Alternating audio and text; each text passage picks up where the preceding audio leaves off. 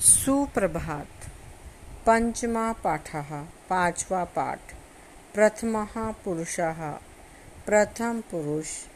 त्रिषु लिंगेशु तीनों लिंगों में।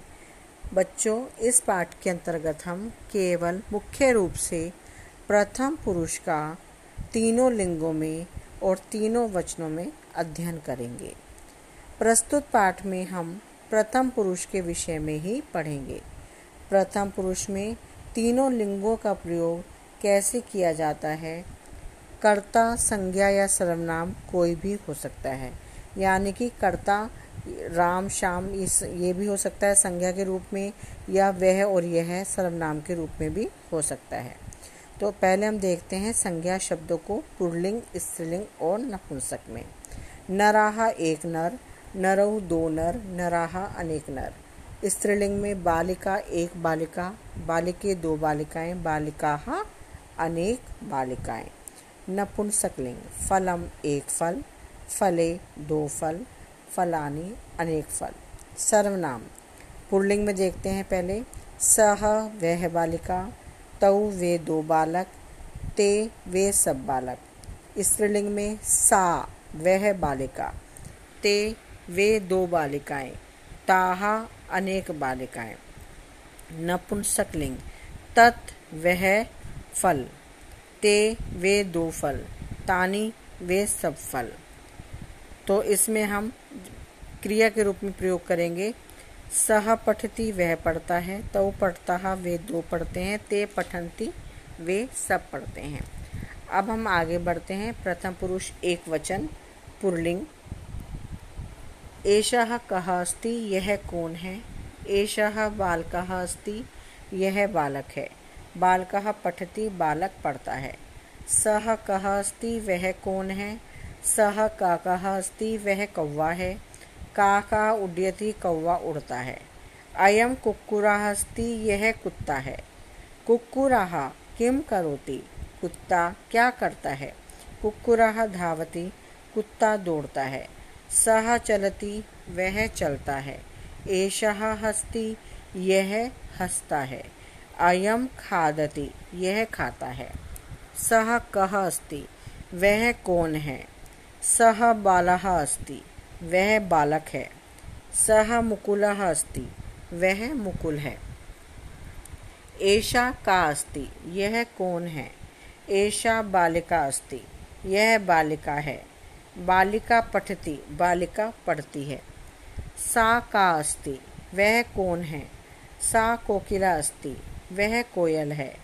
कोकिला गायती, कोयल गाती है। इयम अजा अस्ति, यह बकरी है। अजा किम करोती, बकरी क्या करती है? अजा चरती, बकरी चरती है। सा धावती, वह दौड़ती है। ऐशा गायती यह गाती है। यम नृत्यति, यह नाचती है। सा का अस्ति, वह कौन है? सा बाला अस्ति, वह बालिका है। सा सुकृति अस्ति, वह सुकृति है। अब हम चलते हैं प्रथम पुरुष एक वचन के नपुंसक लिंग पर। यह क्या है? एतत् पत्रम अस्ति, यह पत्ता है। पत्रम पतति, पत्ता गिरता है। तत् किम अस्ति, वह क्या है? तत् पुष्पम अस्ति, वह फूल है। पुष्पम विकसति, फूल खिलता है। इदम चक्रम अस्ति, यह पहिया है। चक्रम किम करोति? पहिया क्या करता है? चक्रम भरमति, पहिया घूमता है। तत् पतति, वह गिरता है। एतत् विकसति, यह खिलता है। इदम चलति, यह चलता है। तत् किम अस्ति? वह क्या है? तत् पुष्पम अस्ति, वह फूल है। तत्कमलम अस्ति वह कमल है। अब प्यारे बच्चों, हम चलते हैं प्रथम पुरुष द्विवचन के पुरलिंग पे। एतव कौस्तः, ये दोनों कौन हैं? ये दोनों बालक हैं। बालकौ क्रीड़ता दोनों बालक खेलते हैं। तौ कौस्तः, वे दोनों कौन हैं? तौ हस्तस्तः, वे दोनों हाथ हैं। हस्तौ नमता, दोनों हाथ नमस्कार करते हैं। इमौ कृषकौ स्ताह ये दोनों किसान हैं। कृषकौ किम कुरुताः दोनों किसान क्या करते हैं? कृषकौ कर्षता, दोनों किसान जोतते हैं। तऊ चलता वे दोनों चलते हैं।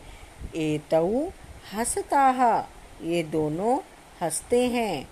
इमऊ खादता ये दोनों खाते हैं। तऊ कौस्ता वे दोनों कौन हैं? तऊ बालौस्ता वे दोनों बालक हैं। तऊ मुकुला पारसा वे दोनों मुकुल और पारस हैं। अब हम चलते हैं प्रथम पुरुष के द्विवचन पर स्त्रीलिंग। एते के स्तः ये दोनों कौन हैं? एते बालिके स्तः ये दोनों बालिकाएँ हैं। बालिके नृत्यता, दोनों बालिकाएँ नाचती हैं। ते के स्तः वे दोनों कौन हैं? ते कलिके स्तः वे दोनों कलियाँ हैं। कलिके विकसता। दोनों कलियाँ खिलती हैं। इमे वर्तिके स्तः ये दोनों बत्तकें हैं। वर्तिके किम कुरुतः दोनों बत्तकें क्या करती हैं? वर्तिके तरतः दोनों बत्तकें तैरती हैं। ते धावतः वे दोनों दौड़ती हैं। एते गायतः ये दोनों गाती हैं। इमे नृत्यतः ये दोनों नाचती हैं। ते के स्तः, वे दोनों कौन हैं? ते बाले स्तः, वे दोनों बालिकाएँ हैं।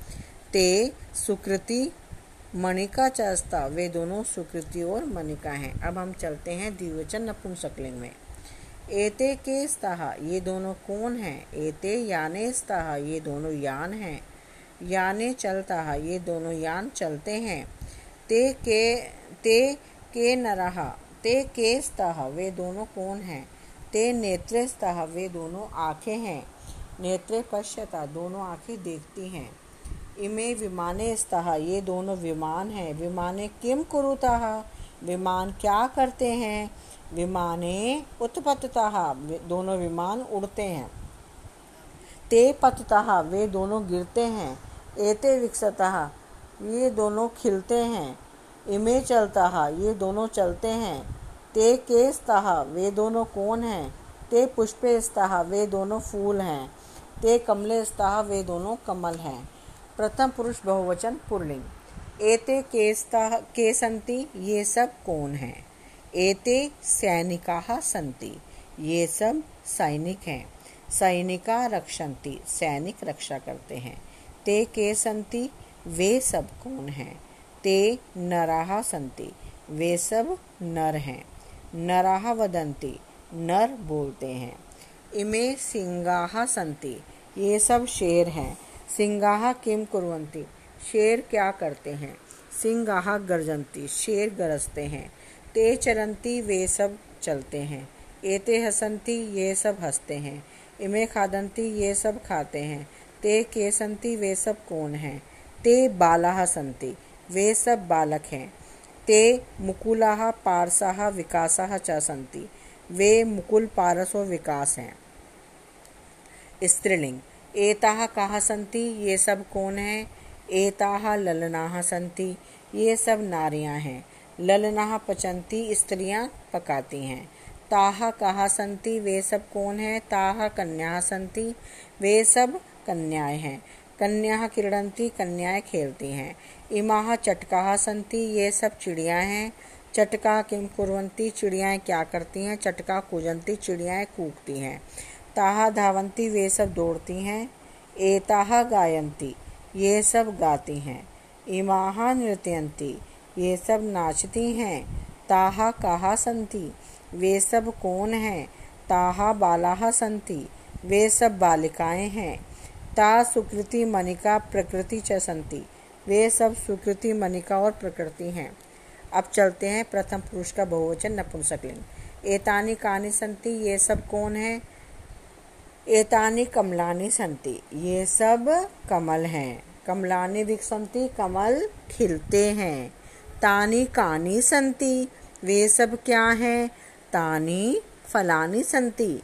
वे सब फल हैं। फलानी पतंती फल गिरते हैं। इमानी चक्रानी संति, ये सब पहिए हैं। चक्रानी किम कुरवंती, पहिए क्या करते हैं? चक्रानी भ्रमंती, पहिए घूमते हैं। तानी पतंती, वे गिरते हैं। एतानी विकसंती, ये खिलते हैं। इमानी चलंती ये सब चलते हैं। तानी कानी संती वे सब क्या हैं? तानी पुष्पानी संती वे सब फूल हैं। तानी कमलानी संती वे सब कमल हैं। तो प्यारे बच्चों, इस पाठ में हमने विस्तार से केवल प्रथम पुरुष का अध्ययन किया है। एक वचन, द्विवचन, बहुवचन, पुरलिंग, स्त्रीलिंग और नपुंसक। कृपया करके आप इसे ध्यान से सुनिए समझिए और बार बार अभ्यास कीजिए। धन्यवाद।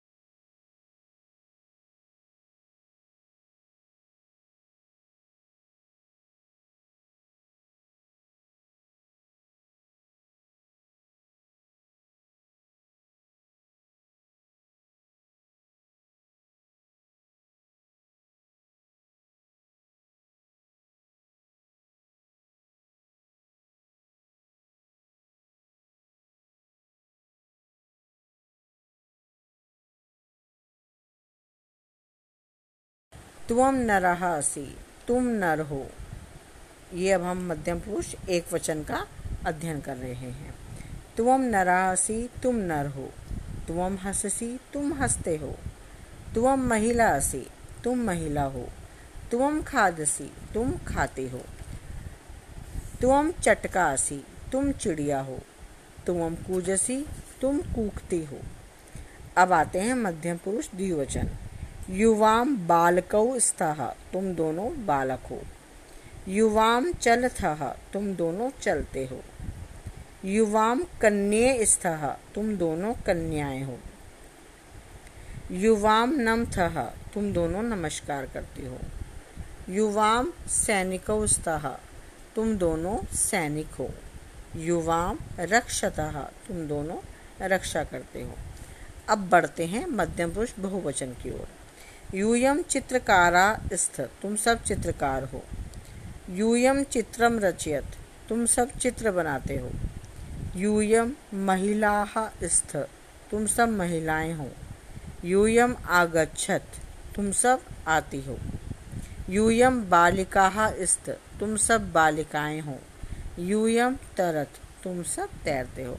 प्यारे बच्चों, इस पाठ में मुख्य रूप से बस आपको यही ध्यान रखना है। कि मध्यम पुरुष के जो करता है, तुवम मध्यम पुरुष एक वचन है।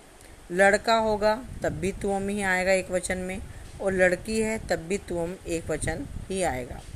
और यदि दो लड़के हैं, तब भी हम युवाम ही कहेंगे, और यदि दो लड़कियाँ हैं, तब भी हम युवाम ही कहेंगे, यानी कि तुम दो लड़कियाँ या तुम दो लड़के। दोनों के लिए युवाम ही आया।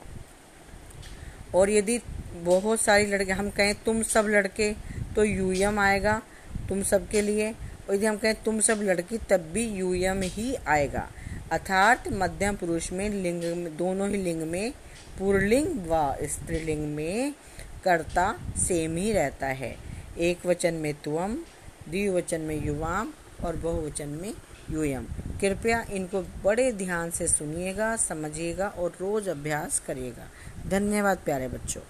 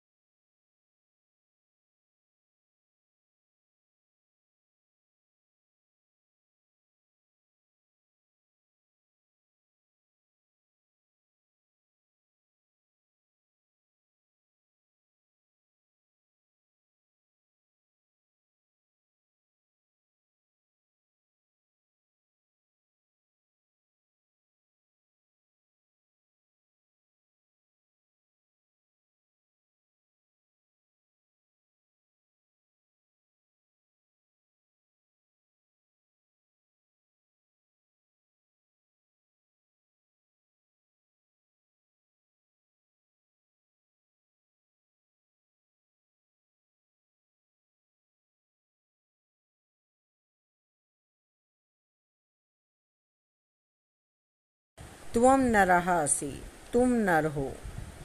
ये अब हम मध्यम पुरुष एक वचन का अध्ययन कर रहे हैं। तुम नरासी तुम नर हो। तुम हंससी, तुम हँसते हो। तुम महिला असी, तुम महिला हो। तुम खादसी, तुम खाते हो। तुम चटकासी तुम चिड़िया हो। तुम कूजसी, तुम कूकती हो। अब आते हैं मध्यम पुरुष द्विवचन। युवाम बालकौ स्तः, तुम दोनों बालक। हो युवाम चलथ, तुम दोनों चलते हो। युवाम कन्ये स्तः, तुम दोनों कन्याएँ हो।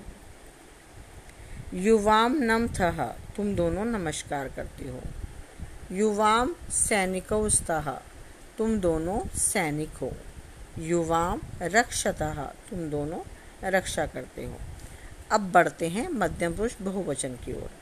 यूयम चित्रकारा स्थ, तुम सब चित्रकार हो। यूयम चित्रम रचयत, तुम सब चित्र बनाते हो। यूयम महिला स्थ, तुम सब महिलाएँ हो। यूयम आगच्छत, तुम सब आती हो। यूयम बालिका स्थ, तुम सब बालिकाएँ हो। यूयम तरत, तुम सब तैरते हो। प्यारे बच्चों, इस पाठ में मुख्य रूप से बस आपको यही ध्यान रखना है। कि मध्यम पुरुष के जो करता है, तुवम मध्यम पुरुष एक वचन है। लड़का होगा, तब भी तुवम ही आएगा एक वचन में, और लड़की है, तब भी तुवम एक वचन ही आएगा। और यदि दो लड़के हैं, तब भी हम युवाम ही कहेंगे, और यदि दो लड़कियाँ हैं, तब भी हम युवाम ही कहेंगे, यानी कि तुम दो लड़कियाँ या तुम दो लड़के। दोनों के लिए युवाम ही आया।